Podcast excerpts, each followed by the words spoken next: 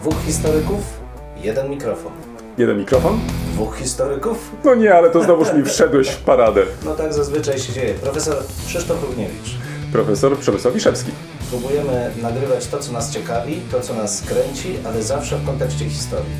No niestety, takie już mamy, że tylko o historii, chociaż czy zawsze na poważnie? No nie zawsze, a przede wszystkim historia to cały świat. To nie tylko to, co minęło, ale też to, co jest teraz. Chcemy pokazać, że w historii można poznawać się w różny sposób. Zdecydowanie w różny sposób i nawet można się nią bawić. Państwo wszyscy widzą, że się uśmiechamy, więc my się też bawimy nieźle. Bardzo dobrze. Dwóch Liczymy historyków, jeden mikrofon. Jeden mikrofon? Dwóch historyków.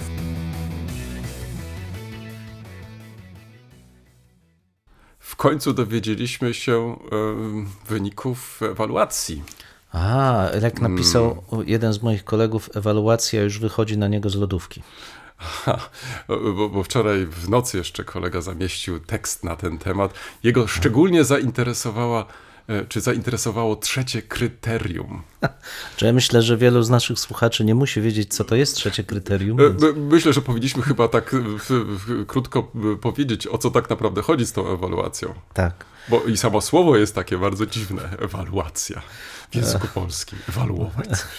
No dobrze, ale w największym skrócie myślę, że część e, z Państwa się interesuje. O, wypowiada się autor, tak więc to może... Ja, znaczy, ja nie jestem autorem ewaluacji, proszę mnie absolutnie nie posądzać. Autor tekstu na rzeczy. ten temat, o, może tak. Ale to prawda, że okresowo no, dokonuje się oceny jakości kiedyś instytucji, czy, czy, czy części instytucji sektora szkolnictwa wyższego, a teraz tak zwanych dyscyplin naukowych w danej instytucji, czyli na danym uniwersytecie, jak sobie radzą naukowo. No, wedle jakichś tam przyjętych wskaźników. Teoretycznie od tego miały zależeć różne uprawnienia do nadawania stopni przez e, uczelnie, No a także pieniądze, poziom pieniądze. finansowy. Taka te teoria. To, te, to, to nie będzie tego deszczu w pieniędzy obiecanego? Deszcze niespokojne, jak to w znanej piosence, także nigdy nie wiadomo, gdzie tam e, spadną, ale wynik tej ewaluacji, jaki poznaliśmy, jest mniej więcej taki, że zdecydowana większość jest dobra, 83%, tak, jest Mhm. dobra, czyli ma kategorię B+, trochę jest bardzo dobrych, kilka jest wybitnych. I ja mam, jak już zawsze, już od lat patrząc na to, e, miałem nadzieję, że coś się zmieni i że rzeczywiście będziemy mieli projakościowy sposób oceny tych y, działań em, nas jako em, badaczy. Tak, teraz jestem przekonany, że jest to bardzo, bardzo, bardzo trudne, ten lobbying nas samych, akademii, ż- żeby się nic nie wydarzyło, żeby było jak było, jest tak ogromny, że i ta ewaluacja właśnie niewiele pokazuje. Ale, i tu kolega mnie wyciągnął, kryterium trzecie jest bardzo istotne. A kolega opowie o kryterium Y, trzecim. Nie, to jest taki języczek uwagi, bym powiedział. No, ja nie bez powodu tak e, wyciągnąłem sprawę tej ewaluacji, bo proszę Państwa, muszę się pochwalić. A co? No, to nie tylko ja, ale także chwalimy się razem z kolegą. W ostatnim tygodniu skoczyły nam słupki. Nie bardzo wiem z jakiego powodu, ale proszę Państwa, przekroczyliśmy w tym miesiącu ponad 2,5 tysiąca odsłuchów. To jeszcze w tej naszej karierze podcasterskiej nam się nie zdarzyło. Także pięknie, pięknie dziękujemy, ale wracamy do tej ewaluacji, bo jednym z em, elementów em, tej ewaluacji było właśnie wspomniane przed chwilą kryterium trzecie, czyli ten wpływ społeczny. Proszę Państwa, no i teraz Państwo nie mają wątpliwości, że to my jesteśmy tymi, którzy na Was wywierają wpływ. Tak, wywieramy na was, ciśniemy was po prostu i to społecznie, bo we dwóch, bo to We- społecznie. Tak, nie, nie, to, to To społecznie, społecznie, tak. we- społecznie tak, we wpół, tak. ciśniemy społeczeństwo. Ale rzeczywiście, proszę Państwa, ja się zadumałem. Chętnych odeślemy oczywiście do wpisu, ale generalnie, jak gdy przeczytałem i wcześniej same opisy tego wpływu społecznego, a teraz recenzje, bo decyzja o przyznaniu Ale przyznaj, kategorii- że to są bardzo rzeczowe recenzje. To, Bardzo, To, to tak. wbrew temu, co powiedziałeś może na samym Tak. początku, że e, nie, do końca zgadzasz się tutaj z, e, może z, z tymi ostatecznymi Mhm. jakimiś tam wynikami, ale, mm, czy, czy, czy też oceną może tego, Mhm. ale w, e, jeśli chodzi o te recenzje, to w, Tak. ja czytałem tylko jedną z nich i muszę powiedzieć, że ona była bardzo rzeczowa. Absolutnie. E, Wręcz bym powiedział konstruktywna Tak, i tak. na przykład w, gdybym ja miał o czymkolwiek decydować, to zebrałbym cały zespół osób, które uczestniczyły w przygotowaniu na przykład tego kryterium, zastanowiłbym się, jakie były mocne, jakie, Mhm. Tak. moc, jakie słabe strony w, No właśnie, ale to, to- to- taki, takiego właśnie zgłoszenia. Tak, tylko problem polega na tym, że w to, co budzi moją wątpliwość, okazało się decydujące, czyli punktację publikacji. Za każdą pu- publikację jakąś punktację dostajemy i po zsumowaniu daje to wartość, która ma mierzyć jakość badań, ale nasz minister tak ładnie poustawiał te punktacje, dopunktowując czasopisma polskie, dość specyficzne w większości, że w zasadzie nie oddaje to w żaden sposób jakości e, tak, badań, e, które powinny jednak mieć charakter międzynarodowy, a, a, a nie lokalny, krajowy. No ale nieważne, to jest jakby Ale inna wróćmy do tego trzeciego kryterium, Tak, bo to jest właśnie- ciekawe. Mhm. No właśnie, i w moim odczuciu wcale ono nie pełni funkcji języczka uwagi. Hmm. Tak myśleliśmy, że będzie pełnić, ale wcale tak nie jest. No przynajmniej takie były zapowiedzi. Tak, a natomiast e, okazuje się, że miara, która została, czy waga, która została do tego przepisana, jest mizerna. No ale co najważniejsze, te sposoby opisów, e, właśnie w świetle tych recenzji, no, wyraźnie wskazują, że co było nieokreślone w samych wskazaniach dotyczących sposobu wypełniania ankiety ewaluacyjnej, zaowocowało brakiem refleksji. Znaczy, osoby, które w dużej liczbie przygotowywały te wpisy, po prostu nie miały pomysłu, co wpisać. Co Ale to jest jest w końcu nasza wina chyba, po części. Też nie? tak uważam, absolutnie. Zgadzam się z Tobą w 100%. Znaczy, naszą winą jest to, że nie. Nie zdefiniowaliśmy tak. Wielokrotnie zresztą się upominaliśmy, że nasze badania nie są prowadzone i popularyzowane z myślą o to, żeby oddziaływały na społeczeństwo, żeby nie tylko znalazły się w jednym czy w drugim czasopiśmie, ale szeroko oddziaływały w jakimś kierunku albo w ogóle na to społeczeństwo. Tego nie ma, niestety. Chociaż z drugiej strony, przynajmniej na podstawie tej jednej recenzji, którą czytałem, wnoszę, że mm, recenzenci szczególną uwagę zwracali, jaki charakter ma ten wpływ. Tak. Czy ma charakter regionalny, czy też mm, ograniczony do Mhm. dwóch, trzech państw, chociaż to też zaliczali do regionalnego Tak, wpływu, tak. czy też międzynarodowy. Tak. Mnie się wydaje, że to była też taka bardzo ciekawa uwaga, jak ewentualnie w przyszłości w, traktować tego rodzaju y, w, Mhm. No tak, tylko wiesz, tutaj o tyle ci wskoczę, że te ich e, oceny wynikały z pewnego em, schematu, który został im narzucony, bo dokładnie tak, takie były kryteria oceny, czy jest to wpływ regionalny, krajowy, czy międzynarodowy. Problem polega na tym, że te kryteria się zmieniają co ewaluację. Nikt ci nie powie, czy za chwilę nie okaże się najistotniejszym elementem regionalny albo krajowy wpływ, a międzynarodowy nie będzie istotny. To podsumujmy może ten Mhm. y, fragment y, naszych rozważań.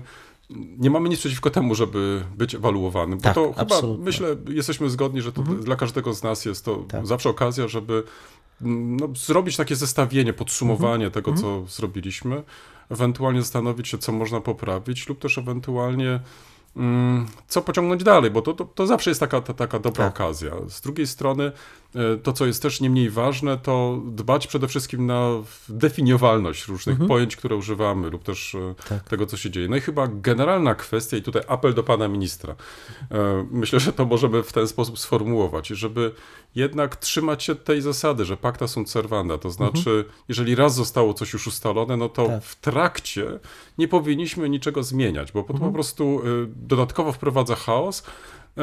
No i daje pole jednak do różnego rodzaju, hmm, jakby to powiedzieć, tak oględnie powiem, e, różnego rodzaju interpretacji Tak. i nie zawsze pozytywnych, Tak. e, bo co do e, zasady jesteśmy zgodni, że tak być powinno i faktycznie jest to dobry pomysł, żeby co jakiś czas być ocenianym i to przy uwzględnieniu różnych naszych pól aktywności, Mhm. bo, bo wprowadzenie tego trzeciego kryterium, em, tego oddziaływania społecznego, jak zwał, tak zwał, uważam jest słuszne, bo to chyba jest, Tak jest. jeden z tych elementów, o który zawsze zabiegamy. To znaczy, jest. że nie tylko pracujemy przy biurku, no ale też ta nasza praca powinna wyjść na zewnątrz. To znaczy, powinniśmy się nią dzielić, powinniśmy em, korzystać z faktu, że, że, że posiadamy tą wiedzę i starać się ją popularyzować. I to jest po prostu kluczowe. Tak więc apel do wszystkich instytutów, zwróćcie uwagę też na tą popularyzację, to znaczy m, nauki generalnie jako takie, no w naszym przypadku popularyzacji historii. Tak więc co do tego jesteśmy chyba tutaj też zgodni, że uwzględnienie tych różnych pól aktywności jest bardzo ważne, kluczowe, no ale ten warunek, e, który powinien być spełniony, nie zmieniać w trakcie gry tych reguł. No i dodałbym jeszcze ty, tyle, że wszystkie te efekty, te oceny powinny być transparentnie ogłaszane. nie tylko sama tego ocena. mamy internet i nie ma najmniejszego tak. problemu, żeby każdy mógł e, Absolutnie. sięgnąć. Wszystkie podstawy, recenzje, to wszystko powinno być znane, bo inaczej ta ocena jest kontrproduktywna. Nie wiadomo Mm, za co, nie wiadomo dlaczego. Zupełnie niepotrzebne emocje, tymczasem ocena powinna być po to, żeby się poprawić, żeby wiedzieć, w którym kierunku zdążać, co jest mocne, co jest słabe. Wiesz, i to jest jeszcze też ta kwestia, wydaje mi się, nie mniej ważna, czyli pewnej kontynuacji, bo Mhm. to nie jest tak, że coś tworzymy od nowa i, i za każdym razem musimy od nowa coś robić, bo coś zostało po drodze wywrócone i tak dalej, i tak dalej. Nie, tylko po prostu krytycznie spojrzeć na to, czy y, te plusy przeważają i, i możemy w tą drogę, którą sobie obraliśmy, kontynuować, czy też po prostu wymaga to jakiejś zmiany czy wręcz nawet porzucenia w tej drogi. Ale to już jest inna sprawa, ale Tak o tym jest. można dyskutować. Tak, I, i, tak. Ale dyskutować, jeżeli masz e, pełną dokumentację, to znaczy, Dokładnie jeżeli tak. masz e, wgląd. Poza tym, co mnie też zawsze zastanawia, przecież z tym mamy, nie powiem na co dzień, ale przecież wielokrotnie do czynienia, że często powołuje się międzynarodowe komisje do e, tego Mhm. rodzaju em, ocen. Y, No i ba- bardzo bym chciał się dowiedzieć, jak na przykład postrzega nas zagranica w tym kontekście, to znaczy w tych osiągnięć, które mamy. No ale zakładając, że zostałyby te wszystkie dane faktycznie postawione na stół i że Tak można o jest. nich dyskutować mhm. bez problemu. Trochę przydługi ten wstęp, ale wydaje mi się chyba dla nas bardzo ważny, bo to w, w, w końcu, jakby nie patrzeć, no, kilka dobrych miesięcy nas to e, jednak e, mm, kosztowało. Już nie mówię o zaprzątaniu uwagi i tak dalej, i tak dalej, czyli zbieranie tych wszystkich danych, więc e, tu praktycznie każda z instytucji była w to zaangażowana i to nie tylko pracownicy naukowi, ale przecież także i administracyjni tutaj faktycznie trzeba to szczególnie podkreślić, że także bez e, pracy czy bibliotekarzy, czy innych jeszcze e, osób, to tutaj te bazy danych nie byłyby w sposób tak szczegółowy wypełnione i no właśnie, e, może te efekty nie byłyby tak e, no, pozytywne, gdyby właśnie nie praca tych osób. To może tak, tak jeszcze dopowiem. Przechodzimy do mm, naszej już stałej części, kolejnej. Nowinki i starowinki. Co też u kolegi e, ciekawego się pojawiło, lub też ewentualnie na co chciałby tym razem zwrócić uwagę. Ja jak zwykle krótko. Więc... Tak. No, dobrze. Dobrze. E, Ponieważ akurat tak się z, z, przydarzyło, że kończę jedną z. Kończę pewną książkę i w, zaciekawił mnie sposób, a właściwie społeczny odbiór tego, jak mm, uwierzytelniano kiedyś akty prawne, czyli co powodowało, że akt prawny był wiarygodny. No i w takim powszechnym e, ujęciu te dokumenty średniowieczne bądźmy szczerzy, nie do końca funkcjonują, ale czasami e, komuś przypomni się pokój toruński, czasami gdzieś tam zobaczę na filmie, jak tam pieczęć jest odciskana przy dokumencie i to budzi jakieś zainteresowanie. No i generalnie to prawda, rzeczywiście w ciągu e, niemal całego e, pełnego i późnego średniowiecza to pieczęć decyduje o wiarygodności. Mm, Podpis e, pojawia się w, no, w różnych krajach, w różnych momentach, ale w całej Europie w XVI wieku zaczyna być coraz częściej, mm, coraz częściej obecny. Więc wniosek jakby mógłby być z tego taki, że przez całe średniowiecze władcy i osoby, które wystawiały dokumenty, po prostu były niepiśmienne, nie posługiwały się podpisem. To nie jest tak oczywiste i nie jest wcale takie proste, bo jeśli sięgniemy nieco bardziej wstecz, to okaże się, że królowie z dynastii Merowingów, a więc VI-VII wiek, podpisywali swoje dokumenty. Każdy władca swój dokument e, pracowicie podpisywał, a obok niego składał swój podpis, jakby potwierdzający, że to jest podpis królewski, także jego, e, także jego kanclerz. No i pytanie, w którym momencie te, ten podpis zniknął? No, zniknął za Karolingów.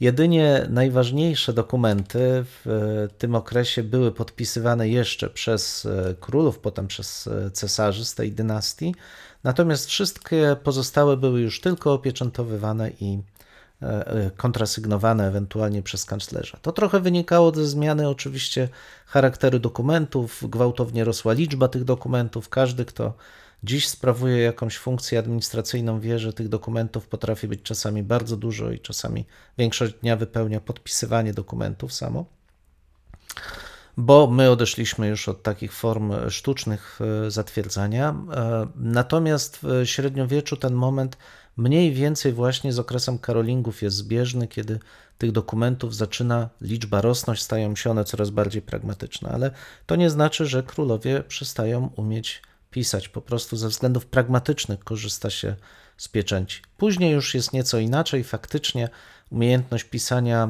e, przestaje być e, uważana za niezbędna dla władcy, choć pojawiają się jeszcze cały czas e, sentencje, że właśnie w Rexi literatus quasi asinus coronatus, czyli e, król, który nie umie czytać i pisać, jest jak koronowany osioł. No ale powiedzmy sobie szczerze, i dzisiaj z takim zjawiskiem możemy się spotkać i nikogo ono nie razi i nie raziło tak do końca w średniowieczu, choć tak jak mówię, początek tego średniowiecza to czas królów, którzy jak najbardziej podpisywać się umieli. Hmm, Bardzo ciekawe. Hmm, Bardzo ciekawa opowieść. Moja będzie taka trochę inna. Przyszedł mi do głowy pomysł, żeby zwrócić jeszcze raz może uwagę na tą postać, bo o niej było chyba głośno jakiś czas temu. Mm, To są takie dwa momenty może, kiedy po raz pierwszy usłyszałem w ogóle. Po raz pierwszy, kiedy mm, nagrywałem wywiad z jednym z dziennikarzy i do tego wywiadu użył on magnetofonu, którego nie znałem.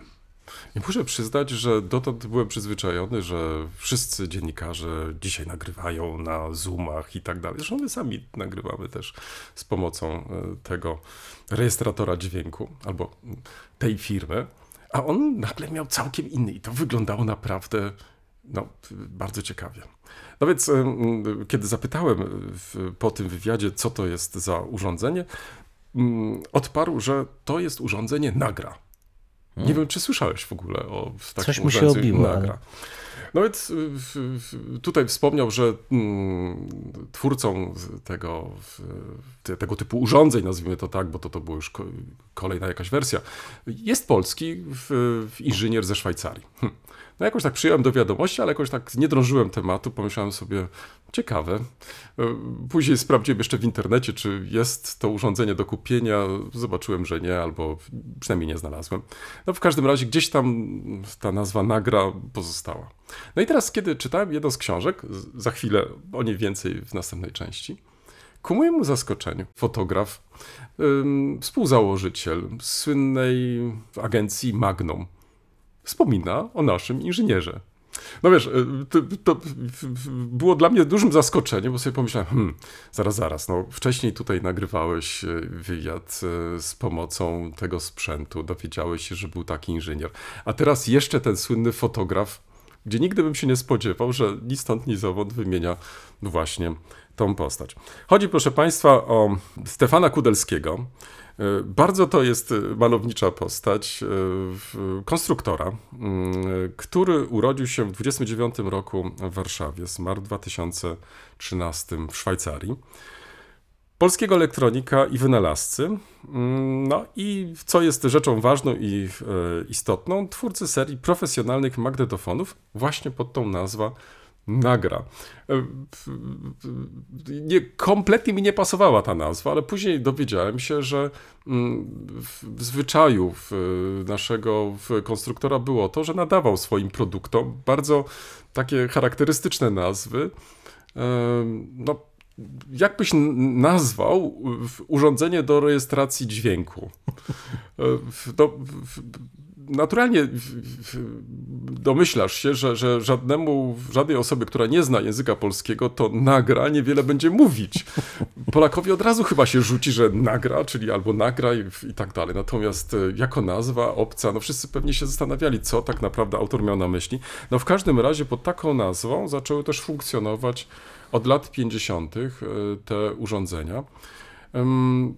Trzeba przyznać, że y, zrobił bardzo błyskotliwą karierę. To wydaje mi się jest jeden z takich typów geniuszy.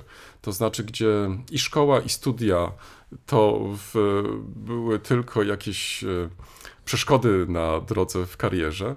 bo już w trakcie studiów e, w Szwajcarii rodzina uciekła z, z Polski po wybuchu II wojny światowej, tułała się po całej Europie, aż ostatecznie znalazła się w Szwajcarii. I w Szwajcarii też pozostała po II wojnie e, światowej. To syn e, postanowił stworzyć swoje pierwsze takie laboratorium, jeszcze na studiach. Później się okazało, że kiedy już zaczął studiować na Politechnice, e, w, chyba jeśli się nie mylę, w Lozanie, to mm, miał lepiej wyposażone studio niż, czy to laboratorium, niż w ogóle uniwersytet. I zrobił oszałamiającą karierę. Faktycznie miał pomysł, e, jak e, tworzyć różnego rodzaju mm, urządzenia do nagrywania. Związał się z, z filmem, w ogóle z przemysłem filmowym. Te jego urządzenia cieszyły się tak dużym e, zainteresowaniem powodzeniem, że zostały faktycznie wykorzystane przez Hollywood. I to między innymi sprawiło, że za właśnie te dokonania dźwiękowe, bo w tym był przede wszystkim znany, otrzymał także Oscary, co faktycznie jest no, wręcz, e, no, jakby to powiedzieć, no, można powiedzieć tak, że, że, że, że, że, że Polak, Oscary, no, pewnie byśmy pomyśleli reżyser, aktor. Nie, nie, nie, tylko dźwiękowiec. I faktycznie za swoje urządzenia otrzymał między innymi e, Oscary, ale także szereg innych nagród, o których warto e, tutaj pamiętać. Co ważne, e, to jest to przykład też takiego polskiego biz- biznesu za granicą, człowieka, który osiągnął sukces. I trzeba przyznać, że firma ta do dzisiaj istnieje w Szwajcarii i nadal produkuje różne urządzenia do mm, rejestracji dźwięku i wszystko wskazuje na to, przynajmniej z tych informacji, do których dotarłem, że mm, także odnosi ogromne sukcesy, co przekłada się na konkretne pieniądze. Więc przy tej okazji chciałem wspomnieć y, tą postać, y, ale też pokazać, w jakich różnych kontekstach ona może występować. To znaczy, jak warto też czasami przy okazji szukania w, ciekawych postaci do, do, do jakiejś takiej prezentacji, no pomyśleć właśnie może takich nietypowych, to znaczy i, i, i pokazać też ich drogę do osiągnięcia sukcesu, bo wydaje mi się, że e, powinniśmy się takimi osobami chwalić, e, a Stefan Kudelski e, na pewno do takich postaci bez wątpienia należy. Bardzo ładnie. A jeśli chodzi o takie słowa, które z języka słowiańskiego się gdzieś tam zawieruszą w tej rzeczywistości anglosaskiej, to w Hollywood, i tu proszę mnie dobrze zrozumieć, to absolutnie nie jest seksistowskie, tylko tak było. Jeden z filmów, e, no takich akcji, nie pamiętam, chyba któraś ze szklanych pułapek, i tam występowała jako zły charakter bardzo urodziwa e, kobieta, która e, nazywała się Agent Towarek. Tak.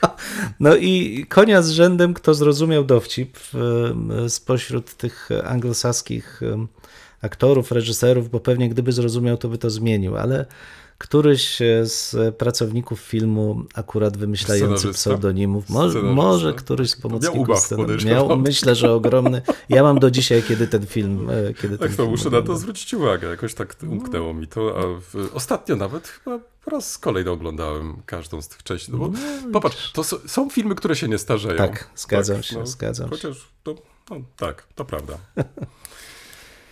Ach, no i płynnie przechodzimy do kolejnej części. Zwróćcie Państwo uwagę, już mamy takie doświadczenie, Mhm. że kolejna część lektury. Mm, ta, nie kolega. Ko- Kolega, Tak, ja, zna, ja zacznie, znaczy tak. kolega. Dobrze, Tak. ja znaczy kolega. Proszę Państwa, dwie książki dzisiaj nie nowe, bo w, e, jakoś tak wakacje mnie nastrajają sentymentalnie, więc sobie czytam książki, które nie są. A to nie, nie jesteś też tym takim porządkującym biurko, bo ja zacząłem porządkować biurko z różnych książek, które przez cały semestr nazbierały się na tym biurku, no i, i faktycznie trafiam na rzeczy, o których już dawno zapomniałem, Znaczy, ja, ja muszę że na powiedzieć, tym że, biurku mam. że moja żona właśnie ch- chce wywrzeć na mnie presję. Ja się opieram. Mam malutki pokoik, e, więc on jest zawalony rzeczywiście książkami w takie stosy tam się. No i, i to prawda, że już wypadałoby rozpocząć pracę archeologiczną, ale zawsze jest coś, co jeszcze można innego zrobić. A, a, no, także.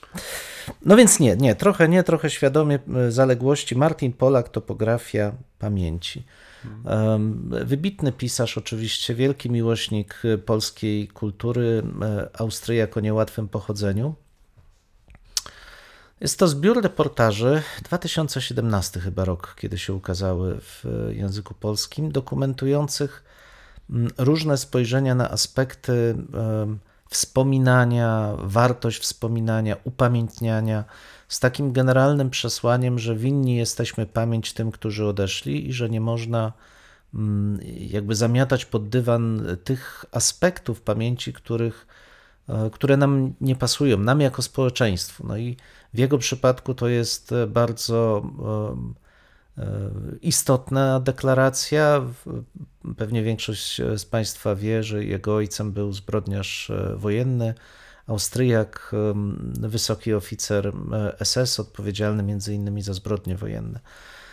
Ale co ciekawe, znaczy tutaj jakby taką ekspiację rodzinną można by zrozumieć. Ojciec e, dawno nie żyje, już e, zginął w trakcie ucieczki po II wojnie światowej, więc można by przyjąć no, takie Ale sam autor wyraźnie i wielokrotnie podkreśla, że zarówno rodzina, jak i e, szerokie kręgi tego, tej społeczeństwa austriackiego nie tylko były związane z nazizmem, ale i do dzisiaj jakby nie przepracowały tego, znaczy uważają to za coś normalnego.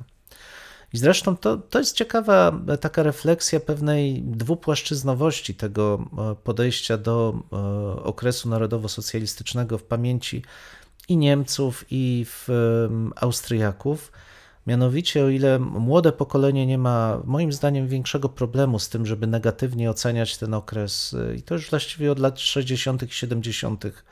było wyraźne, o tyle osoby, które ówcześnie żyły, a które jeszcze żyją, i chyba też spora część polityków, trochę żyje w takim dwu, dwupłaszczyznowości. Z jednej strony nie chce urazić wypędzonych, tych wszystkich, którzy po II wojnie światowej, czy w wyniku II wojny światowej odnieśli różne straty i e, cierpienia, a z drugiej strony no, jest oczywiste, że systemu nie da się obronić. I też wiele takich ciekawych spostrzeżeń na marginesie tych reportaży można wskazać, kiedy sami zainteresowani kompletnie nie rozumieją problemu. Znaczy, to nie jest, to nie, oni nie udają, oni nie rozumieją problemu.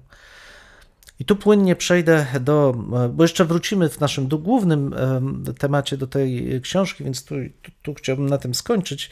Druga książka jest e, troszkę młodsza, ale nie dużo. Beata Szady, e, Wieczny Początek, Rzecz o Warmii i Mazurach. I faktycznie kapitalna książka, także zbiór reportaży dokumentujących funkcjonowanie e, mieszkańców Warmii i Mazur, głównie po 1945 roku, ale też w okresie międzywojennym. I znów, co mnie uderzyło tutaj, to wspomnienia niemieckich mieszkańców, którzy w, w zasadzie byli oburzeni, e, że musieli opuścić, czy że spotkało ich to wszystko, co wydarzyło się w 1945 roku, bo przecież e, w zasadzie no, nic nie zrobili, nic złego się nie stało. Pada nawet tam taka wypowiedź, że wojny są i się kończą, ale Niemcy zawsze trwały i zawsze nie, i że nie powinno się zmieniać w związku z tym granic. I to jest bardzo ciekawe, to znaczy to pokazuje, jak bardzo, z czego myślę, że ani my jako historycy często, ani miłośnicy historii nie zdają sobie sprawy, jak mimo wszystko, zwłaszcza we wsiach, ta rzeczywistość państwa totalitarnego była jakby nieuświadomiona. To znaczy, nawet jak znikali mieszkańcy, no bo przecież Żydzi byli wszędzie, oni znikali. Em, Potem te ich e, to mienie było rabowane. Zresztą to samo Polak przedstawia w Austrii. Tyle, że tam dotyczy to głównie Romów. To znaczy, nawet najbiedniejsze siedliska romskie, które zostały po wysiedlonych i zamordowanych Romach, przez Austriaków były niemiłosiernie rabowane a potem zapominane. Nic się nie dzieje. To też jest zresztą uderzające, że we współczesnej Austrii wielkim problemem jest upamiętnienie zbrodni na Romach. O ile na Żydach nie ma problemu, to zostało przepracowane, to Romowie są dalej problemem wstydliwym. I tutaj, jak wracamy na Warmię, mamy podobne zjawisko. Znaczy, ci Warmiacy, którzy z jednej strony uważają się za Warmiaków właśnie, ale deklarują związek z kulturą niemiecką, nie czują żadnej odpowiedzialności i nawet uważają za rzecz dziwną, że w, dziwną, okrutną, zbrodniczą, że w, po 45 ktoś takiej odpowiedzialności jakby żądał od nich, A mimo, pomimo tego, że zdawali sobie sprawę, że ci ich sąsiedzi żydowscy znikają, ale refleksji świadomej nie chcą przedstawić. Ja nie wierzę, że oni nie zauważyli tego. Po prostu nie wierzę. No i to jest jeden aspekt bardzo ciekawy, Ale naprawdę to, to dotyczy zarówno Warmiaków, jak i Mazurów? Czy, Tak, to, znaczy- czy jest to rozróżnienie, czy, czy, czy to, Obu, obu, Obu, obu, tak. części, Warmiaków i Mazurów.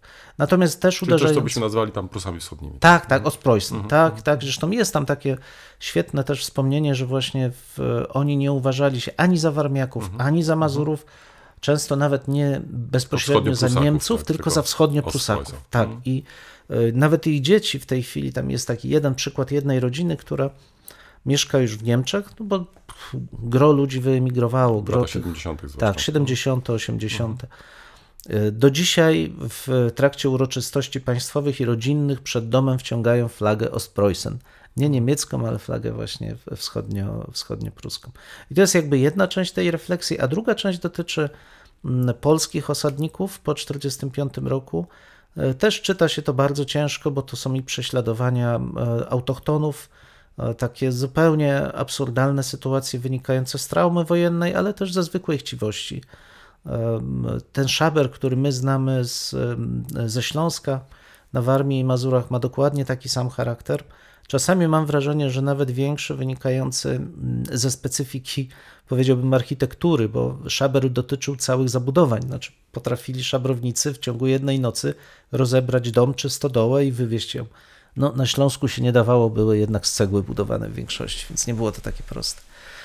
Ale faktycznie e, czyta się to e, z ogromną przykrością, także dlatego, że jakby niewiele się zmieniło i to jest chyba najgorsze w podejściu do mm, e, dziedzictwa kulturowego. Z jednej strony to najmłodsze, zwłaszcza pokolenie je docenia, ale szkody, jakie uczynił brak troski, brak zaangażowania w opiekę nad tym dziedzictwem, są często nie do naprawienia. Znaczy, czy domy, czy stodoły, to całe budownictwo wiejskie po prostu się rozpada. No i na koniec taka e, refleksja, e, w której mm, dla mnie ważna, że z jednej strony trochę cały czas traktujemy te ziemie odzyskane jako kolonie i to, to mnie uderza, że mieszkańcy tych takich centralnych dzielnic Polski mają dalej podejście do Pomorza Zachodniego, do Śląska, tego dolnego, do e, właśnie Warmii i Mazur, jako terenów egzotycznych, znaczy takich, które zostały skolonizowane, dalej są egzotyczne i albo trzeba się nimi opiekować, albo trzeba je mm, poznawać właśnie z perspektywy tego centrum, które gdzieś tam te swoje e, kolonie zamorskie chce przywrócić tożsamości kulturowej i tak dalej. Ja mam jako mieszkaniec tutaj, jako lokals, mam zupełnie inne podejście. E, Uważam, że zwłaszcza to, to już to moje pokolenie po prostu jest tu na miejscu, to znaczy to jest nasze, nasze miejsce na ziemi, nasze korzenie.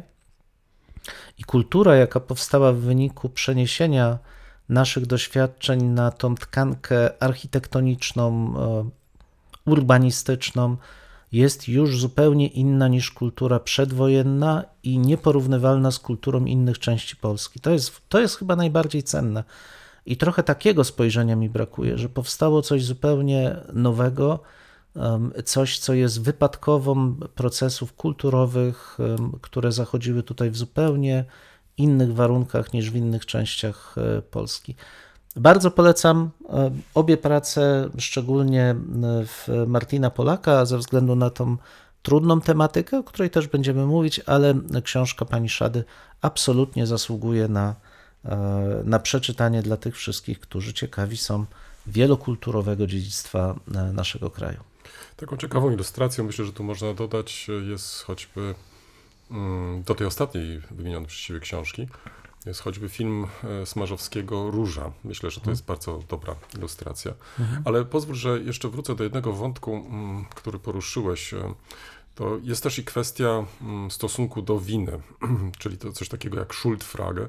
I przed wielu, wielu laty na ten temat napisała bardzo ciekawą książkę w, e, Gesine Schwann, była rektor e, Uniwersytetu Europejskiego mm, w Jadrina we Frankfurcie nad e, Odra, ale także kandydatka na prezydenta Niemiec i tak dalej. Tak, czy, krótko mówiąc, także znana w relacjach polsko-niemieckich e, naukowczyni, Tak, chyba tak to mogę określić, e, pani profesor. Otóż e, mm, ona postawiła taką tezę, która wtedy mm, dała mi sporo do myślenia, to znaczy, bo jeszcze muszę zrobić jeden krok e, w tył. Przed kilku dniami czytałem bardzo ciekawy wywiad na temat prac Komisji Podręcznikowej Polsko-Niemieckiej. I tam ten wątek e, mazurski czy wschodnio-pruski pojawił się w kontekście mm, wyborów e, ostatnich w 1932 roku, wolnych to trzeba dodać e, w Niemczech, gdzie mm, wprawdzie, no mylnie, ale to już zostawmy to, gdzie faktycznie Partia Narodowo-Socjalistyczna w- uzyskała jeden z najlepszych wyników wtedy e, w Rzeszy. Tutaj warto pamiętać także i o Dolnym Śląsku, gdzie e, Tak nie wyglądało inaczej, a nawet bym powiedział, że Dolny Śląsk przodował tutaj też, e, jeśli chodzi o Rzeszę. Więc jedno pytanie, które można byłoby równocześnie zadać, czy nie wiedzieli, to dobrze, to skąd to poparcie dla Partii Narodowo-Socjalistycznej, skąd to poparcie dla mm, e, Hitlera? I tutaj mm, Gesine Schwan, już wracam do tej właśnie książki über die Schuldfrage o w problemie winy, mm, postawiła taką tezę, mianowicie, mm, ponieważ gros tych osób e, musiało opuścić w różny sposób e, swoje małe ojczyzny, czy zostały wysiedlone, wypędzone, czy w, w ramach akcji łączenia rodzin, e, na przykład w latach 70., em, mm, znalazły się w, później w Republice Federalnej Niemiec, to poprzez ten fakt uznały, że w, ponieważ e, utrata ojczyzny dla nich była również tragedią, że tak naprawdę kompensuje to ich poparcie okresu Tak III Rzeszy.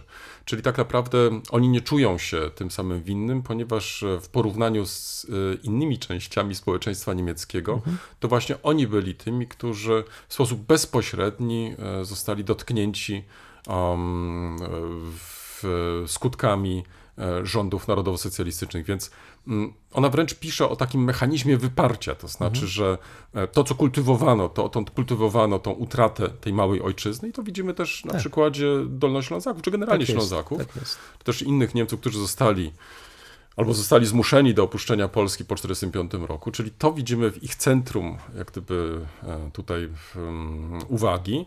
Natomiast ta trzecia Rzesza generalnie została w, przekreślona, ona się nie pojawia. To widać kapitalnie też w tych różnych Heimatbuchach, Tak, które od e, tak.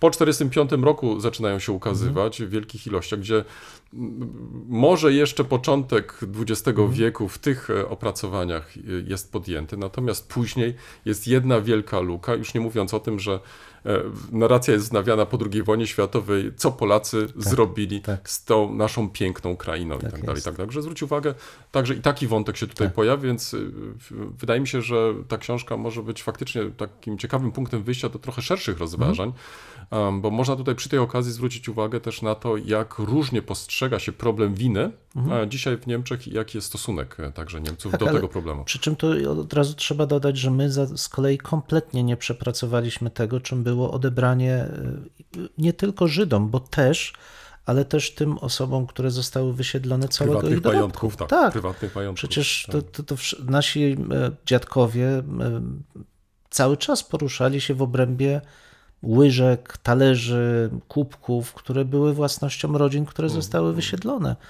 Więc to z drugiej strony Polacy też traktują to jako właśnie takie należne, traktowali jako należne Mm, im zadośćuczynienie za, e, za krzywdy wyrządzone narodowi, no ale to cały czas jest coś zabór prywatnego świata, to jest Mm. przejęcie całego prywatnego świata. No i e, konieczność budowy od nowa Tak, e, tego tak, świata. tak, tak, tak, E, tak. W wielu przypadkach to no, nie udawało się, także Mhm. to też może warto mieć na uwadze. Moje lektury poszły trochę w innym kierunku. Mm, Mianowicie, już sygnalizowałem jedną z nich, mianowicie mm, są to wywiady, do których teraz sięgnąłem jednego z najbardziej znanych francuskich, ale też i światowych fotografów, Henri Cartier-Bressona. E, Bardzo ciekawe. Są to wywiady na przestrzeni kilku dziesięcioleci. Mm, Od lat em, 50., kończąc na mm, latach e, 80., nawet 90.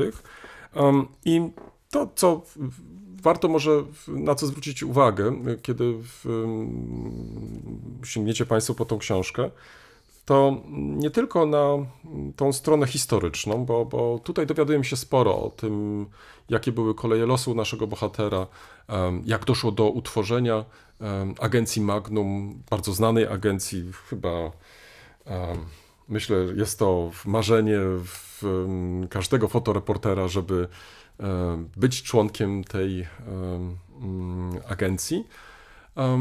Ale to może co przy okazji, przy tej okazji warto też zwrócić uwagę, wspomniałem wcześniej o jednym z Polaków Kudelskim, to jednym ze współtwórców tej agencji Magnum był także Polak, lub też inaczej Żyd, y, pochodzący z Polski. David Seymour miał także taki artystyczny artystyczny przydomek Him. A Tak więc tworzyło, tworzyło tą agencję, przynajmniej na początku, Robert Capa, e, Henri Cartier-Bresson, e, George Rutger i e, David Seymour. I to właśnie oni w 1947 roku e, taką agencję utworzyli. E, Ona się zrodziła trochę z potrzeby, to znaczy, żeby mm, w jakiś sposób e, wobec e, różnych instytucji, wobec e, mediów, prasy, ale także e, różnych zleceniodawców występować jako kolektyw, to znaczy, gdzie łatwiej można byłoby pozyskiwać nie tylko środki na ich kolejne wyprawy, gdzie dokonywali różnego rodzaju, gdzie realizowali te projekty, może tak reporterskie, ale też, żeby łatwiej się rozliczać i tak dalej, i tak dalej. Trzeba przyznać, że biegiem dziesięcioleci ten pomysł się sprawdził, e, że do, można byłoby to tak określić, do tej agencji zgłaszało się coraz więcej e, fotografów. E, Oczywiście nie każdy mógł być członkiem takiej, takiej agencji, ale faktem jest, że jest to mm, i dzisiaj dalej działająca agencja, skupiająca wielu fotografów z różnych państw świata. I to, co w centrum jest zainteresowania, to jest przede wszystkim ta fotografia reporterska. I o tym jest sporo e, w tej książce. I tutaj, kiedy interesowałaby nas histori- historia w ogóle reportażu jako takiego, to możemy prześledzić na różnych mm, właśnie sięgając do tych wywiadów na przestrzeni dziesięcioleci, jak zmieniało się to medium, to znaczy też podejście samych fotografów do fotografii. No i tutaj są wręcz takie, może, w, w, bo to jest druga taka płaszczyzna też, czyli jak fotografować, to znaczy co było ważne dla, e, dla Cartier-Bressona i może, żeby zaciekawić Państwa, to Cartier-Bresson jest przede wszystkim kojarzony e, z tym określeniem decydujący moment, to znaczy, że jego mm, ten pomysł na fotografię polegał na tym, że nie fotografuje się możliwie dużo, że nie retuszuje się, że nie kadruje się zdjęć, tylko po prostu obserwuje się i dopiero w momencie, kiedy mm, jego zdaniem nadchodzi ten moment naciśnięcia, to faktycznie naciska spust migawki i wtedy robi zdjęcie, jest ten decydujący moment. No i myślę, że większość z Państwa może być zaskoczona, że tak naprawdę to Cartier-Bresson nie jest twórcą tego e, pojęcia, ponieważ e, on zaczerpnął to z XVII wieku, jeśli się nie mylę. Mianowicie chodziło tutaj o jednego z kardynałów francuskich, który właśnie takie e, pojęcie użył i on po prostu przejął. I wręcz mówi w jednym z wywiadów, że on tak naprawdę jest kopistą, no ale wszyscy, wszyscy uważają, że to on jest autorem, więc on nie będzie naturalnie tutaj e, nic przeciwko temu robić. Tak więc z tych też chociażby powodów warto e, sięgnąć po tą książkę, bo jest to książka, e, która także i demo, demi, demitologizuje, to określenie, demitologizuje fotografię fotografów. Jest takim, by powiedział, trzeźwym spojrzeniem, także już z perspektywy, e, no jakby nie patrzeć, e, e, bardzo doświadczonego fotografa, jak tą fotografię uprawiać, na co zwracać uwagę i myślę, że zarówno i historycy, jak i być może fotografowie zechcą sięgnąć po te wywiady, bo wywiad ma też i to do siebie, że są to krótkie formy i e, często puentowane, a wydaje mi się, że właśnie poprzez tą taką, bym powiedział, lakoniczność, e, te wywiady jeszcze mogą się spotkać z większym zainteresowaniem niż jakieś długie e, teksty i opracowania. I druga e, książka, na którą chciałbym zwrócić uwagę, to jest bardziej związana z dzisiejszą rocznicą, kolejną rocznicą wybuchu Powstania Warszawskiego. Przed kilku laty, w 70. rocznicę, zorganizowano bardzo ciekawą wystawę pod tytułem Po obu stronach barykady fotografia i reportaż wojenny w Powstaniu Warszawskim 1944. I jest to e, opracowanie, które zostało przygotowane przez e, polskich i niemieckich historyków, historyków, em, e, historyków fotografii, ale także i w, em, fotografów, em, którzy mm, starali się nam przybliżyć, jakie były wyobrażenia e, w, w Niemczech i w Polsce e, o powstaniu warszawskim. I nie dotyczyło to tylko samych wydarzeń jako takich, e, ale także i tego, jak funkcjonowały te fotografie po II wojnie światowej w Polsce i najpierw w obu państwach niemieckich, a dzisiaj w Republice Federalnej Niemiec.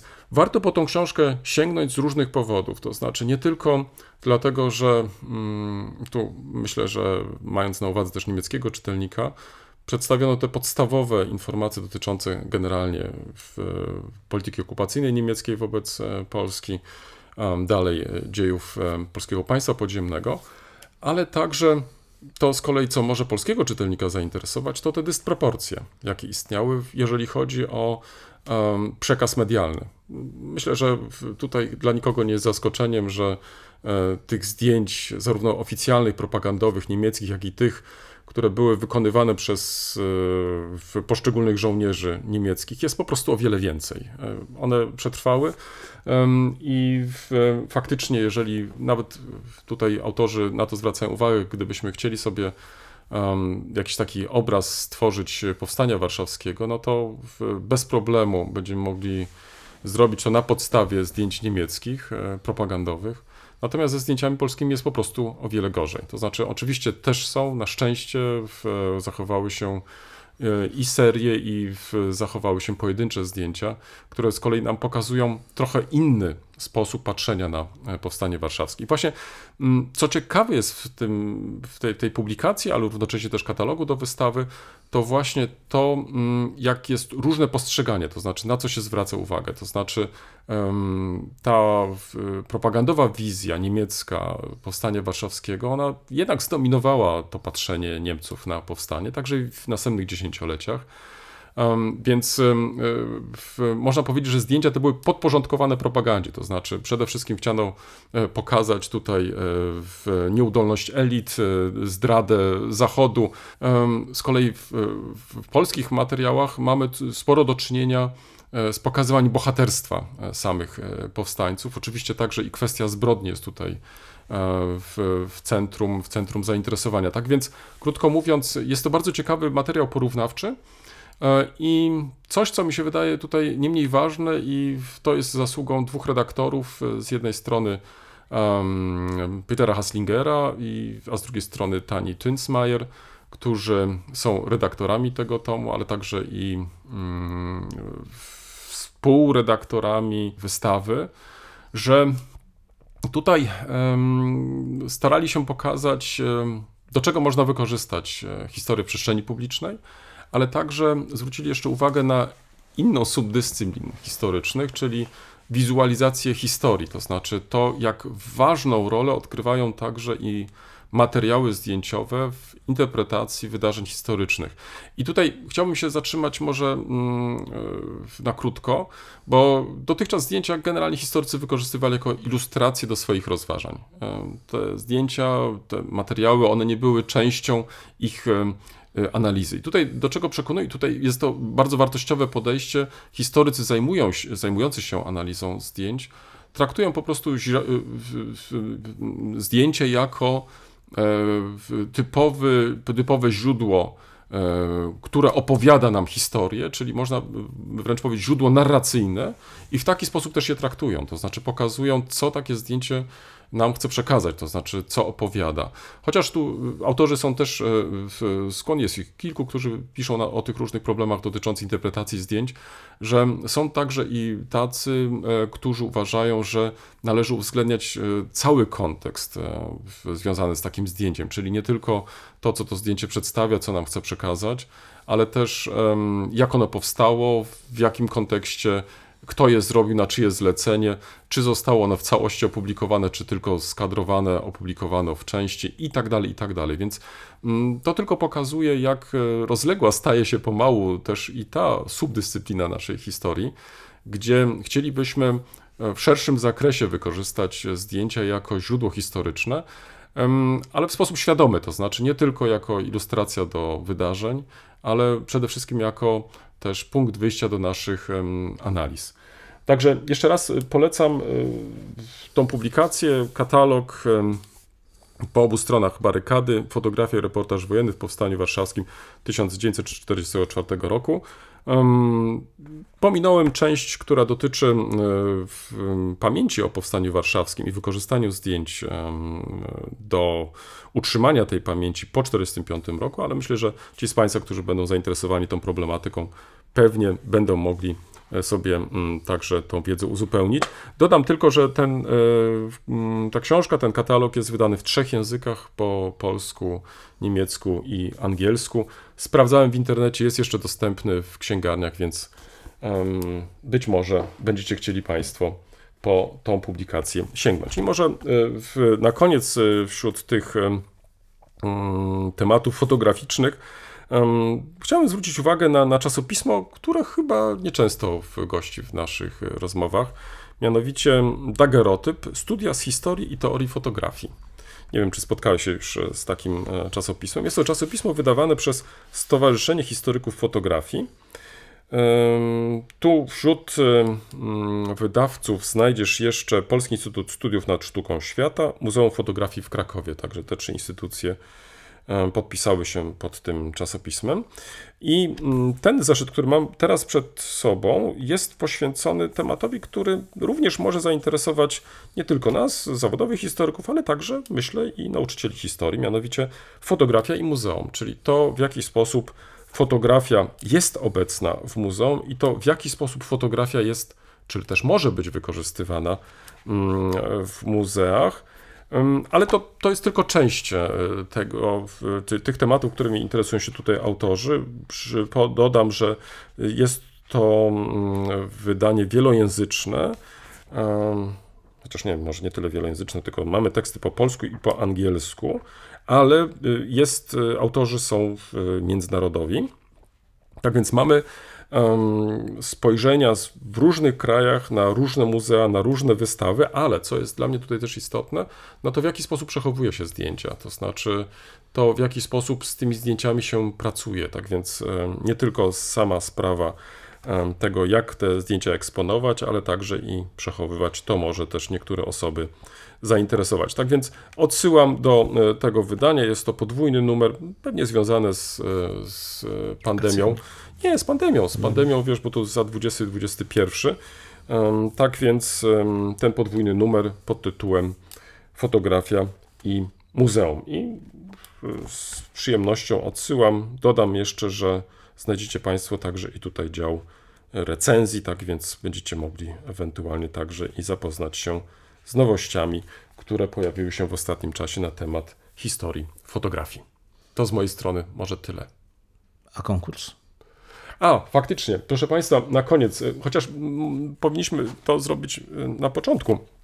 Tak, otóż w ostatnich dniach ukazała się nowa książka nakładem naszego mm, centrum, tu myślę o Centrum Studiów Niemieckich i Europejskich imienia Willego Brandta. Mianowicie książka szczególna. Jest to książka jednego z naszych już emerytowanych profesorów w Uniwersytetu Wrocławskiego, naszych profesorów, inaczej, emerytowanych profesorów Uniwersytetu Wrocławskiego, profesora Szurgacza, specjalisty zajmującego się od e, lat problematyką prawa pracy e, w Niemczech, który mm, postanowił zebrać e, te swoje mm, wszystkie jakieś publikacje i przygotować no, jedno kompendium. I tu muszę powiedzieć, że e, bardzo się cieszę, że właśnie profesor Szurgacz zdecydował się powierzyć nam wydanie tej książki. Tytuł: Polscy pracownicy w Niemczech 1880-2004 studium historyczno-prawne, czyli od końca XIX wieku do wstąpienia e, Polski do e, Unii Europejskiej. Jest to mm, publikacja przeglądowa, jak Państwo zwróciliście po chociażby cezurach, i obejmuje, można powiedzieć, główne e, etapy pracy, ale związane też, czy też w kontekście historii Niemiec, bo to jest w końcu też tutaj istotne. Także znajdziecie przykładowo Państwo rozdział, który mm, jest poświęcony polskim e, robotnikom w Rzeszy w okresie narodowego socjalizmu w latach 33-39, czy też pracy przymusowej Polaków w latach II wojny światowej w Rzeszy i na terenach włączonych do Rzeszy. Nie ma dużo publikacji na ten temat. E, Dobrze, że takie się ukazują. Myślę, że byłoby lepiej nawet, gdyby było ich więcej. Myślę, że tutaj praca profesora Szurgacza em, może być też dobrym punktem wyjścia do dalszych pogłębionych studiów. Zaletą tego rodzaju kompendiów, takich opracowań ogólnych jest przede wszystkim to, że mamy o możliwość takiego e, ogólnego spojrzenia na ten problem, ale też e, może stać się, tak jak wspomniałem, inspiracją do dalszych pogłębionych badań. Czyli krótko mówiąc, Herbert Szurgacz, polscy pracownicy w Niemczech 1882-2004, studium historyczno-prawne. I teraz, proszę Państwa, mam możliwość przekazania jednego egzemplarza, ale w- jak to często bywa, w, chcemy to powiązać w jakiś sposób z, z jakąś odpowiedzią. I teraz nasz pomysł jest taki, no trochę przewrotny. Ym, Prosiłbym, żebyście Państwo do mnie czy do kolegi napisali, co powinniśmy zmienić w naszych podcastach. Ale prosimy o poważne odpowiedzi. Ja wiem, że Państwo do nas piszecie takie czy inne mm, listy. Zawsze cenzuralne. Zawsze cenzuralne, tak, to muszę też podkreślić, że dotąd nie zdarzyło się, nie wiem czy to potwierdzisz, ale dotąd nie zdarzyło się, żebyśmy dostali jakieś niecenzuralne pismo, albo jakieś anonimowe wręcz. E, także i w tym przypadku, ponieważ e, jak Państwo zauważyli, tak trochę e, zastanawiamy się, e, jak e, utrzymać e, pewną dynamikę naszych rozmów, e, na co może powinniśmy zwrócić uwagę, jakie może tematy włączyć, może te części stałe w, powinno się jakoś tam, czy powinniśmy je skorygować. No krótko mówiąc, e, w, chcielibyśmy e, poprosić Państwa tutaj o wyrażenie zdania, no i, i em, no i teraz, no dobrze, no, dostaniemy na przykład 100 odpowiedzi, teraz jak wybrać jedną z nich? To będziemy Mój losować chyba. Boże. Będziemy Poprosimy losować. środkę, żeby wylosował. Tak, będziemy losować, tak. W każdym razie, proszę Państwa, y, teraz tak, jak długo czekamy? O, może tak. No, dwa tygodnie? Dwa tygodnie, dobrze. To czekamy Mhm. w takim razie od dzisiaj y, dwa tygodnie, a dzisiaj jest poniedziałek, 1 sierpnia, także do 15 Tak sierpnia? jest, Dajmy tak może jest. termin. Do 15 sierpnia czekamy na odpowiedzi. Są wakacje, być może Państwo macie trochę więcej czasu niż my, e, więc będziecie może chcieli tak pozbierać trochę myśli i się podzielić swoimi e, uwagami, to będziemy za nie wdzięczni, a e, w, w, drodze podziękowania będziemy mogli Państwu przekazać ten jeden egzemplarz wspomnianej przeze mnie książki profesora Szurgacza. Boże, jak my już długo rozmawiamy. Tak, y, ale trudno. Proszę Państwa, został nam temat y, główny, jak wspominałem, trochę zainspirowany y, jednym z reportaży Martina Polaka. Reportaży dotyczącym zdjęć. To, to, to też coś, co mojego kolegę najbardziej chyba. Ja nie bez powodu dzisiaj taki temat, taki blok zdjęciowy wybrałem w przypadku lektur. Tak. Bo ten reportaż dotyczył fotografii m, pokazujących e, hmm, różne aspekty funkcjonowania e, w okresie nazistowskim wojsk e, niemieckich, austriackich, generalnie Wehrmachtu na terenach okupowanych, i, ale pod pewnym szczególnym kątem, to znaczy ich sprzedaży w, na rozmaitych targach w sieci internetowej um, traktowania ich jako e, towaru. Te zdję- to nie są zdjęcia uśmiechniętych osób na tle budynków, choć i takie mogłyby budzić e, e, opór. Zresztą za chwilę jeszcze do tego wrócę, ale akurat w tamtym przypadku chodzi o zdjęcia z egzekucji. Zdjęcia rozmaitych momentów śmierci, ro- rozstrzelań dokonywanych przez żołnierzy e, niemieckich, które to zdjęcia cieszą się dużym um, jak się okazuje, dużym powodzeniem. Faktycznie sprawdzałem na eBayu, można spokojnie takie rzeczy mm, kupić. No i pytanie przede wszystkim o etykę tego typu e, zachowań. Ja sprawdziłem sobie trochę pod kątem prawnym, jak to wygląda. No i okazuje się, że w, zarówno w Niemczech, jak i w Austrii e, sprzedaż jakichkolwiek e, materiałów propagujących działalność organizacji niekonstytucyjnych, tak to jest ujęte w prawie niemieckim, w, bądź propagandę, E, jest e, zabroniona, co sprowadza się jednak do tego, że zabronione jest eksponowanie takich elementów symbolicznych, które jednoznacznie wiążą się z tymi instytucjami niekonstytucyjnymi, czyli no, chodzi oczywiście o partię nazistowską. Czyli symboliki. Tych tak, symboliki. I w przypadku Niemiec oznacza to, że jeśli ktoś chce sprzedać takie memorabilium, to wystarczy, że zaklei na przykład swastykę, i może spokojnie do obrotu to wprowadzać jako zabytek historyczny. W przypadku austriackiego prawa jest, jest to bardziej restrykcyjne, ten element powinien być usunięty, no ale co jakby oznacza, że no nie, no, no albo się dokonuje zniszczenia zabytku, no bo trzeba usunąć, albo nie wolno tego wprowadzać do obrotu. Tymczasem to, co z jednej strony jest restrykcyjne w tym stanie prawnym, faktycznie kompletnie nie, nie funkcjonuje. W styczniu e, tego roku e, miała miejsce bardzo ciekawa e, wystawa także w Domu Historii Austriackiej w Wiedniu, poświęcona właśnie temu, w jaki sposób radzić sobie z tego typu memorabiliami epoki nazistowskiej w Austrii. Generalne oczywiście zalecenie jest takie, żeby przekazywać to do muzeów. I sam tytuł tej wystawy Disposing of Hitler out of the cellar into the museum, czyli e, pozbywanie się Hitlera z piwnicy do e, muzeum, jakby wskazuje e, ten, ten kierunek myślenia, to znaczy, że mamy tu do czynienia z elementami przeszłości, niebezpiecznej e, przeszłości i niebezpiecznymi elementami, ale nie jest naszym celem niszczyć pamięć, ale przechowywać ją, wskazywać jej konteksty, no właśnie, umieszczać je e, w, w muzeum. Tylko, że to jest ułamek.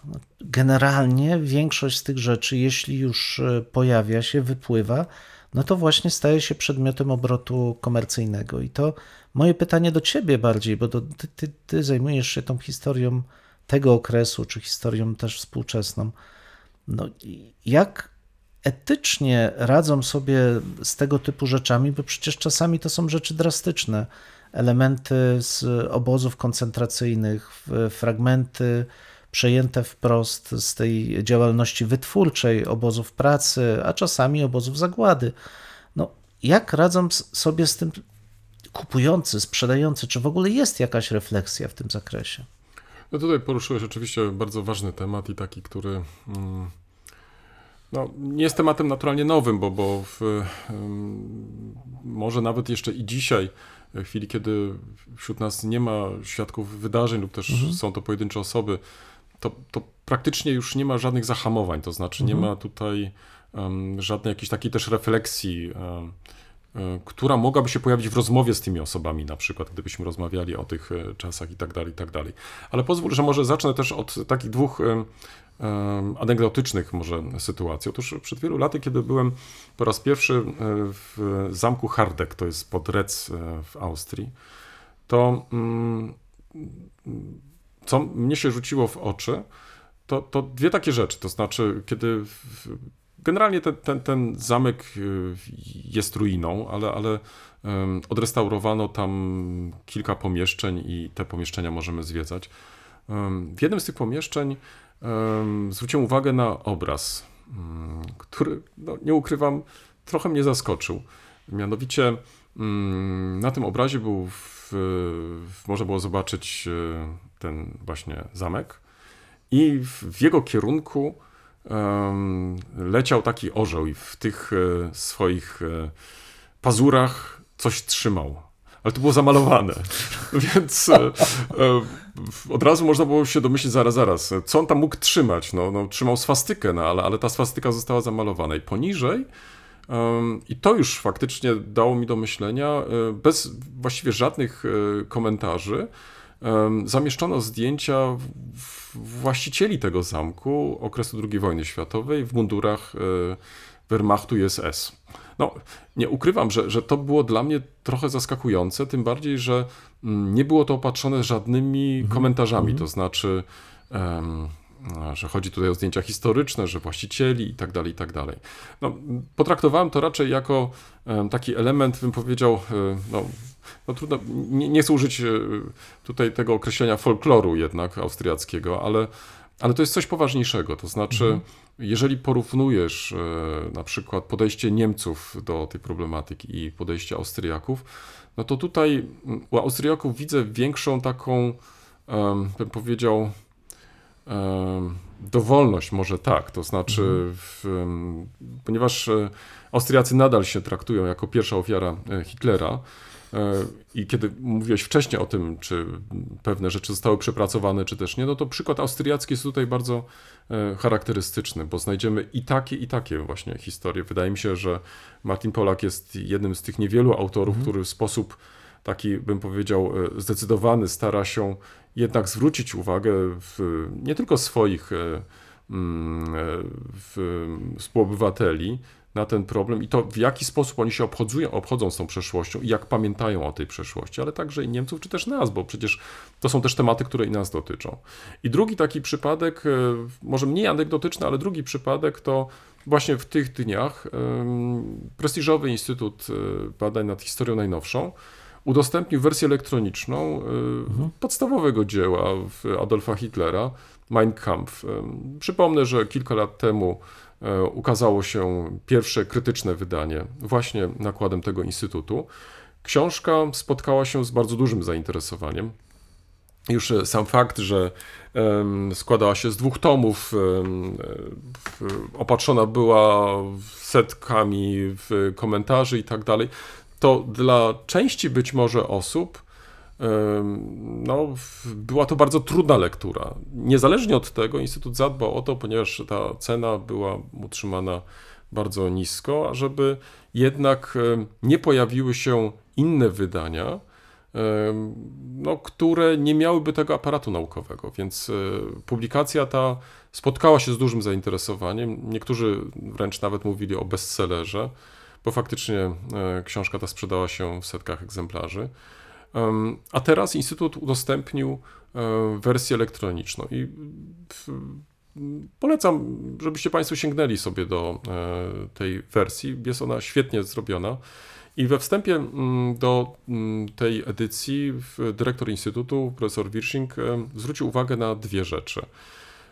Napisał, że mm, jest to trochę odpowiedź, udostępnienie w internecie na prośby różnych zainteresowanych osób, zwłaszcza badaczy, e, taka, żeby no jednak ułatwić sobie poszukiwania, bo, bo jakby nie patrzeć, to jednak wersja elektroniczna pozwala na e, inne możliwości e, w pracy z, z tym dokumentem, ale także mm, postanowiono, i to jest ta druga rzecz, że nie będzie się pobierać za to żadnych opłat, więc dostęp jest bezpłatny. Tak więc e, każdy z nas ma możliwość e, sięgnąć do tej komentowanej, e, do tego komentowanego wydania. I teraz, co dla nas jest tutaj istotne, to jest to, że kiedy przeglądasz sobie oryginał tego dokumentu, to od razu masz odsyłaczy i do tych odsyłaczy możesz po prostu zaglądać.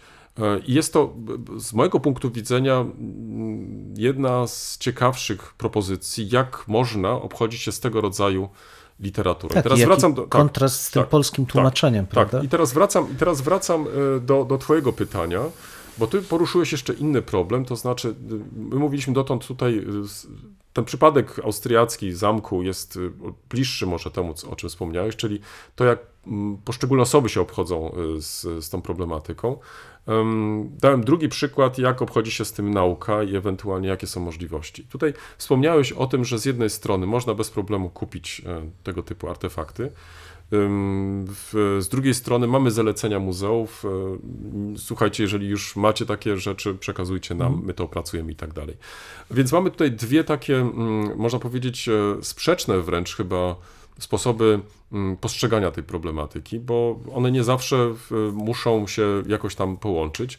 I teraz wprowadzę jeszcze może trzeci taki element. Otóż e, na ostatnich moich zajęciach miałem jednego ze studentów, bardzo mm, zaangażowanych, który od kilku lat tworzy swoje archiwum. No, W planie chce stworzyć takie małe muzeum, które jest poświęcone generalnie propagandzie III e, Rzeszy.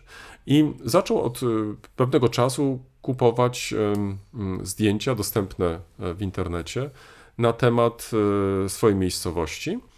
I faktycznie udało mu się zebrać w ostatnich latach y, mm, całkiem niezły zbiór. I tam znajdziesz zarówno y, zdjęcia, które pokazują miasto zaraz po wkroczeniu wojsk niemieckich.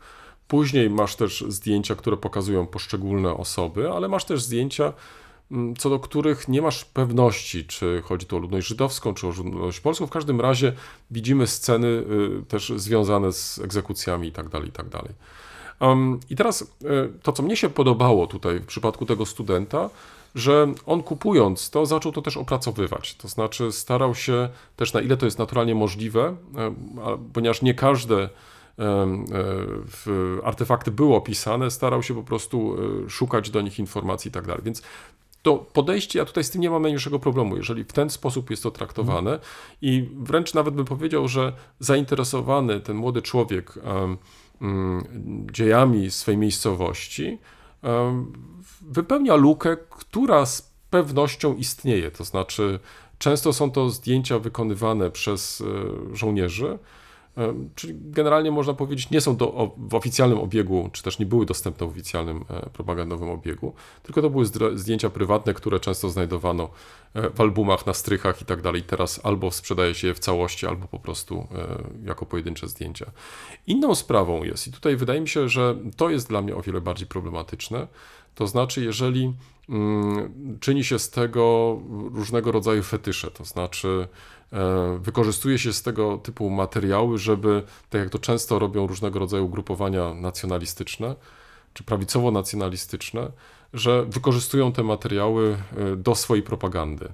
E, I z tym już faktycznie mam duży e, problem, łącznie z wykorzystywaniem e, symboliki, która na tych zdjęciach jest widoczna. I tutaj jest jeden aspekt, na który powinniśmy generalnie zwrócić uwagę. W chwili, kiedy pokazuje się zarówno sprawców, jak i ofiary, czy publikując e, te zdjęcia, i to jest też duża debata, która toczy się obecnie e, w różnych krajach europejskich, e, czy publikując te zdjęcia, my po prostu po raz kolejny rozstrzeliwujemy Dokładnie, te ta osoby. wtórna wiktymizacja. tak, ta prawda? wtórna wiktymizacja, a jednocześnie sprawcy pozostają Tak. bezkarni. To znaczy w tym sensie, że em, zwracamy szczególną uwagę na ofiary, natomiast nie na tych, którzy właśnie tych zbrodni e, dokonali. No właśnie, to czy wiesz, co dla mnie jest uderzające też, i to właśnie fajnie Polak pokazał, że bezwiednie, może i, bez, może i jednak nie, ale on chyba sugeruje, że dość bezwiednie, poprzez tego typu działania wprowadza się i legitymizuje w tę przestrzeń publiczną dyskurs wytworzony przez sprawców, bo on zwrócił uwagę na przykład, że te zdjęcia najczęściej mają tytuły zaczerpnięte chociażby albo z notatek na marginesach, albo oficjalne tytuły. No i pojawiają się określenia typu rozstrzelany polski bandyta, e, Polacy kradnący, Polacy ukarani, Polaken, Ciganer, Juden i tak dalej. I w, pytanie jest e, dokładnie o, o ten kontekst, o którym wspomniałeś, to znaczy w jakim celu wykorzystujemy świadectwa cierpienia, krzywdy, zbrodni, bo e, nie ma chyba wśród nas e, kogoś, kto by powiedział, nie, to trzeba niszczyć, tego nie wolno pokazywać. To nie, nie o to chodzi. Znaczy, pytanie jest raczej, w jakim celu wprowadzamy w dyskurs publiczny tego typu rzeczy, bo to ma swoje konsekwencje. Ja byłem zszokowany tymi zdjęciami, które ilustrują jeden z podręczników, o których rozmawialiśmy, gdzie w sposób e, zupełnie mm, bezrefleksyjny, I bez bez, kontekstu, komentarza, bez bez, tak, dokładnie tak. Najbardziej okrutne sceny wykorzystuje się de facto, żeby wzbudzić wyłącznie negatywne emocje w stosunku do współczesnych narodów. I to w oficjalnym podręczniku zaakceptowane przez państwo polskie do nauczania e, w szkołach.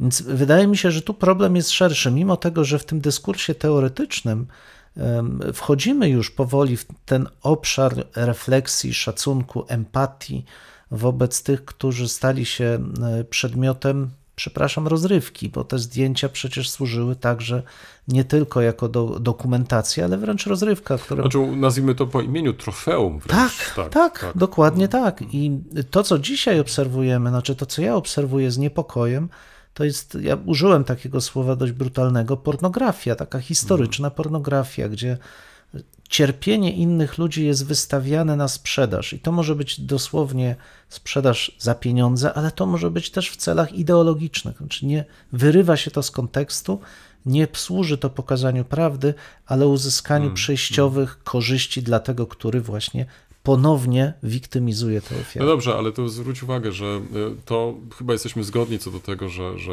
jest to sprawa naganna i, i przynajmniej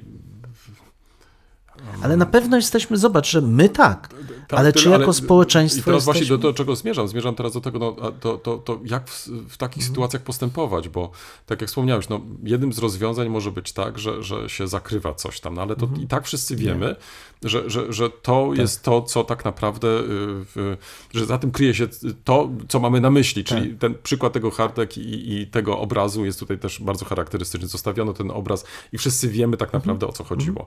Więc y, to jest ten kod kul- kulturowy, który wszyscy pamiętamy. Tak. Zakazywać coś, no to z kolei pojawi się nam kolejne jakieś podziemie, Tak gdzie jest. nawet w tym podziemiu będziesz mógł e, kupować takie czy inne rzeczy. Em, edukować i mnie się wydaje, że tutaj przede wszystkim chyba powinniśmy zwrócić baczną uwagę. I ten przykład, który przytoczyłeś e, e, jako ostatni podręcznika, uważam, że to jest wręcz karygodne, że takie zdjęcie zostało e, opublikowane i to, to jeszcze do tego, to musimy od razu powiedzieć, dużego formatu. Tak to nie jest. jest. jakiś mały format. To zdjęcie nie jest opisane. My nie wiemy, czy to zjawisko, które to zdjęcie pokazuje. Ja nie bez powodu wcześniej mówiłem o tym, że nie można ilustrować e, tekst tylko jakimś zdjęciem. Tak jest. Tylko Dokładnie to tak. zdjęcie ma e, pokazywać jakiś kontekst. Mhm. E, Musimy się coś więcej dowiedzieć. Poza tym zwróć uwagę, to co mnie brakuje na przykład, to w takim podręczniku, jeżeli wykorzystujesz tego rodzaju zdjęcia, to przynajmniej powinienem napisać, wyjaśnić, wprowadzić, jak się mam obchodzić z takimi Mhm. zdjęciami, a nie zakładać, że uczeń, który nieprzygotowany, sięgnie po taki podręcznik, e, spojrzy na takie zdjęcie, będzie już wiedział, o co wszystko chodzi, e, co, e, co tak naprawdę o, o, o co tutaj chodzi. Mnie się wydaje, że to jest ogromny błąd i to jest po prostu nie w porządku. I tutaj dajmy przykład jednego z- podręczników, tylko to jest pytanie, czy na przykład takie zdjęcie e, byłoby możliwe w podręczniku austriackim, w podręczniku niemieckim? No wątpię. Raczej e, z czymś takim bym się nie spotkał. Jakiś czas temu przywoływałem podręcznik chiński, nie wiem czy sobie przypominasz, e, do historii Niemiec, który znalazłem w Pekinie, w księgarni. I tam ku mojemu zaskoczeniu w, znalazłem na przykład zdjęcie Helmuta von Moltkego. W żadnym podręczniku niemieckim Helmuta zdjęcia von Moltkego ja po prostu nie znalazłem. Y, Głównodowodzącego i tak dalej, szefa sztabu generalnego i tak dalej, i tak dalej. W wojnach y, y, prusko-francuskich. Tutaj można byłoby więcej dopowiadać. Więc są jakieś granice, których nie chce się przekraczać. Co wcale nie oznacza, że one nie funkcjonują. Od tego są na przykład muzea, od tego są archiwa i tak dalej, żeby jeżeli chcemy badać e, tego rodzaju materiały, to do nich powinniśmy mieć oczywiście dostęp, co do tego nie ma wątpliwości. Ale pytanie, jak one funkcjonują w przestrzeni publicznej? I teraz e, zakazywanie to też nie jest wyjście, bo, bo sami doskonale wiemy, że bez problemu będzie można znaleźć jakieś obejście. E, Pojawi się ten czarny rynek przeze mnie przywołany i tak dalej, i tak dalej. No wiesz, ale to jest właśnie pytanie, jak sobie poradzić z tym nadużywaniem czy z wykorzystywaniem domowej nienawiści tego typu, em, tego typu artefaktów. Ja absolutnie nie jest, jestem przeciwny zakrywaniu, chowaniu pod dywan i tak dalej, bo to tak jak starożytne rzeźby, którym starano się zakrywać genitalia, czy renesansowe obrazy, gdzie zamalowywano w baroku części wstydliwe, tak zwane, po to, żeby nie gorszyć. Nie, ale trzeba kontekstualizować i pokazywanie bez kontekstu pewnych rzeczy uważam za podwójnie naganne, bo po pierwsze fałszują historię w ten sposób, bo wystawiają na nieprzygotowane, wystawiają ludzkie cierpienie na em, nieprzygotowanego e, odbiorcę. To trochę tak jak cyrk się w tym momencie wychodzi. Jak zwierzęta w cyrku, tak pokazuje się dla ludzkiej, no niestety rozrywki tego typu, e, tego typu obrazy. Osadzenie ich w kontekście, pokazanie informacji, zwrócenie uwagi na okoliczności, to wszystko jest zadaniem historyków i tylko tak uważam, że powinny być tego typu zabytki prezentowane. Natomiast czy karać? To jest dłuża dyskusja i pewnie trzeba by się odnieść do intencji, bo z drugiej strony zupełny liberalizm jest mi kompletnie obcy, bo to, o czym ty wspomniałeś, to oznaczałoby na przykład, że wszelkiego typu propaganda z wykorzystywaniem akcentów nazistowskich czy e, komunistycznych jest dozwolona, bo uważamy, że podchodzimy do tego liberalnie, bo ludzi trzeba wyedukować. Nie uważam tak. Znaczy jest pewna granica, w której mowa nienawiści, gest nienawiści powinny być e, karane, bo one są jak trąd. One zarażają i w sprzyjających okolicznościach mogą dużo szkody wyrządzić. No tak, tylko że zwróć uwagę, że e, tym samym możemy poprzez mm, wprowadzenie różnego rodzaju ograniczeń także i wprowadzić e, ograniczenia dla nas samych. To znaczy, że nie będziemy mieli możliwości korzystania z takich czy innych Kontekst. materiałów. Nie no, całkowita zgoda, dlatego na przykład to też jest ciekawe, że w, tylko w jednej centralnej bibliotece znajdziesz e, to główne pismo Fylki Szabobachta, Um, I to nawet nie w komplecie, bo co też jest ciekawe, że akurat w tej centralnej bibliotece nie można było skompletować e, całego wydania, ale mm, co jest ważne, to ja, ja nie wiem, czy to nie powinno wystarczyć w jakiś sposób, e, bo i e, biblioteka udostępniając w internecie to wydanie, opatrzyła to komentarzem, to znaczy, żeby jeszcze raz zwrócić uwagę, z jakim materiałem mamy do czynienia. I dla badań wydaje mi się to coś oczywistego, to znaczy to, to ułatwia nam też pracę, no bo oczywiście no możesz e, jechać do takiej czy innej biblioteki, która posiada to właśnie wydanie i tam na miejscu korzystać, e, no ale z drugiej strony, jeżeli masz to w internecie, to korzystasz z internecie. e, w internecie. Natomiast co innego jest e, no, sprzedaż tego, to znaczy w- organizowanie aukcji e, i tak dalej. I ja myślę, że to trochę też jest sprawa dla administratorów tego rodzaju platform, e, gdzie, gdzie tego typu e, rzeczy się po prostu pojawiają. No, powinny być być może tutaj wprowadzone jakieś e, ograniczenia, lub też ewentualnie, jeżeli takie rzeczy będą wystawiane, to może za zgodą na przykład muzeum albo czegoś takiego, które może na przykład rościć sobie prawo do pierwokupu i tak dalej, i tak dalej. Nie wiem, wiesz, no, e, ja bym szukał po prostu tutaj może jakichś rozwiązań. Wiesz, to na pewno są rzeczy, które są nie do opanowania, no bo sprzedaż guzików e, ze swastyką, e, to trudno wyobrazić sobie, że wszystkie te guziki popłyną do muzeów i co muzea mają z tym robić tak naprawdę. Na pewno tu edukacja, i- edukacja jest podstawą. Ja nie wiem, czy da się ucywilizować handel w internecie. Do pewnego stopnia pewnie tak, bo znów Ale tu mówimy o szczególnym typie jednak Tak. e, artefaktów. o to, właśnie znaczy, chodzi. Tak. Bo to, to trochę jest tak, jakbyśmy doz- powiedzieli w imię liberalizmu takiego zupełnego, no to w zasadzie nie kontrolujmy kompletnie rynku pornografii i za chwilę mamy zalew pornografii dziecięcej. I co wtedy też nie będziemy reagować? No absolutnie nie. Tylko należy zawsze wybrać rozsądnie, przeciwko czemu występujemy, jak, w jakim kontekście występujemy.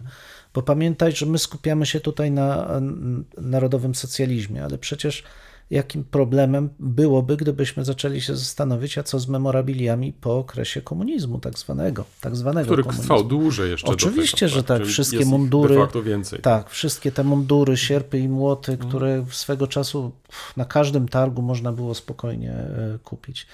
Więc edukacja przede wszystkim, kontekstualizacja rzecz główna i chyba budzenie jednak pewnej wrażliwości na ludzkie cierpienie i na kontekst związany z tym cierpieniem. W tym miejscu stawiamy kropkę, lub też jak kto woli, kropkę nad i. No, mamy nadzieję, że to nie jest koniec, że to jest początek Waszych dyskusji. Mam nadzieję, że Was zaciekawiliśmy. Prosimy o komentowanie naszych zmagań z historią. Poniżej zdjęcia jest wystarczająco dużo miejsca. I pamiętajcie, nie regulujcie odbiorników. No, my naprawdę tak brzmimy. E, tak, chociaż być może czasami e, może trzeba ściszyć. No może czasami ten nasz rechot by się przydało wyciąć nawet. Dwóch historyków, Jeden mikrofon, jeden mikrofon. dwóch historyków. Dziękujemy. Dziękuję.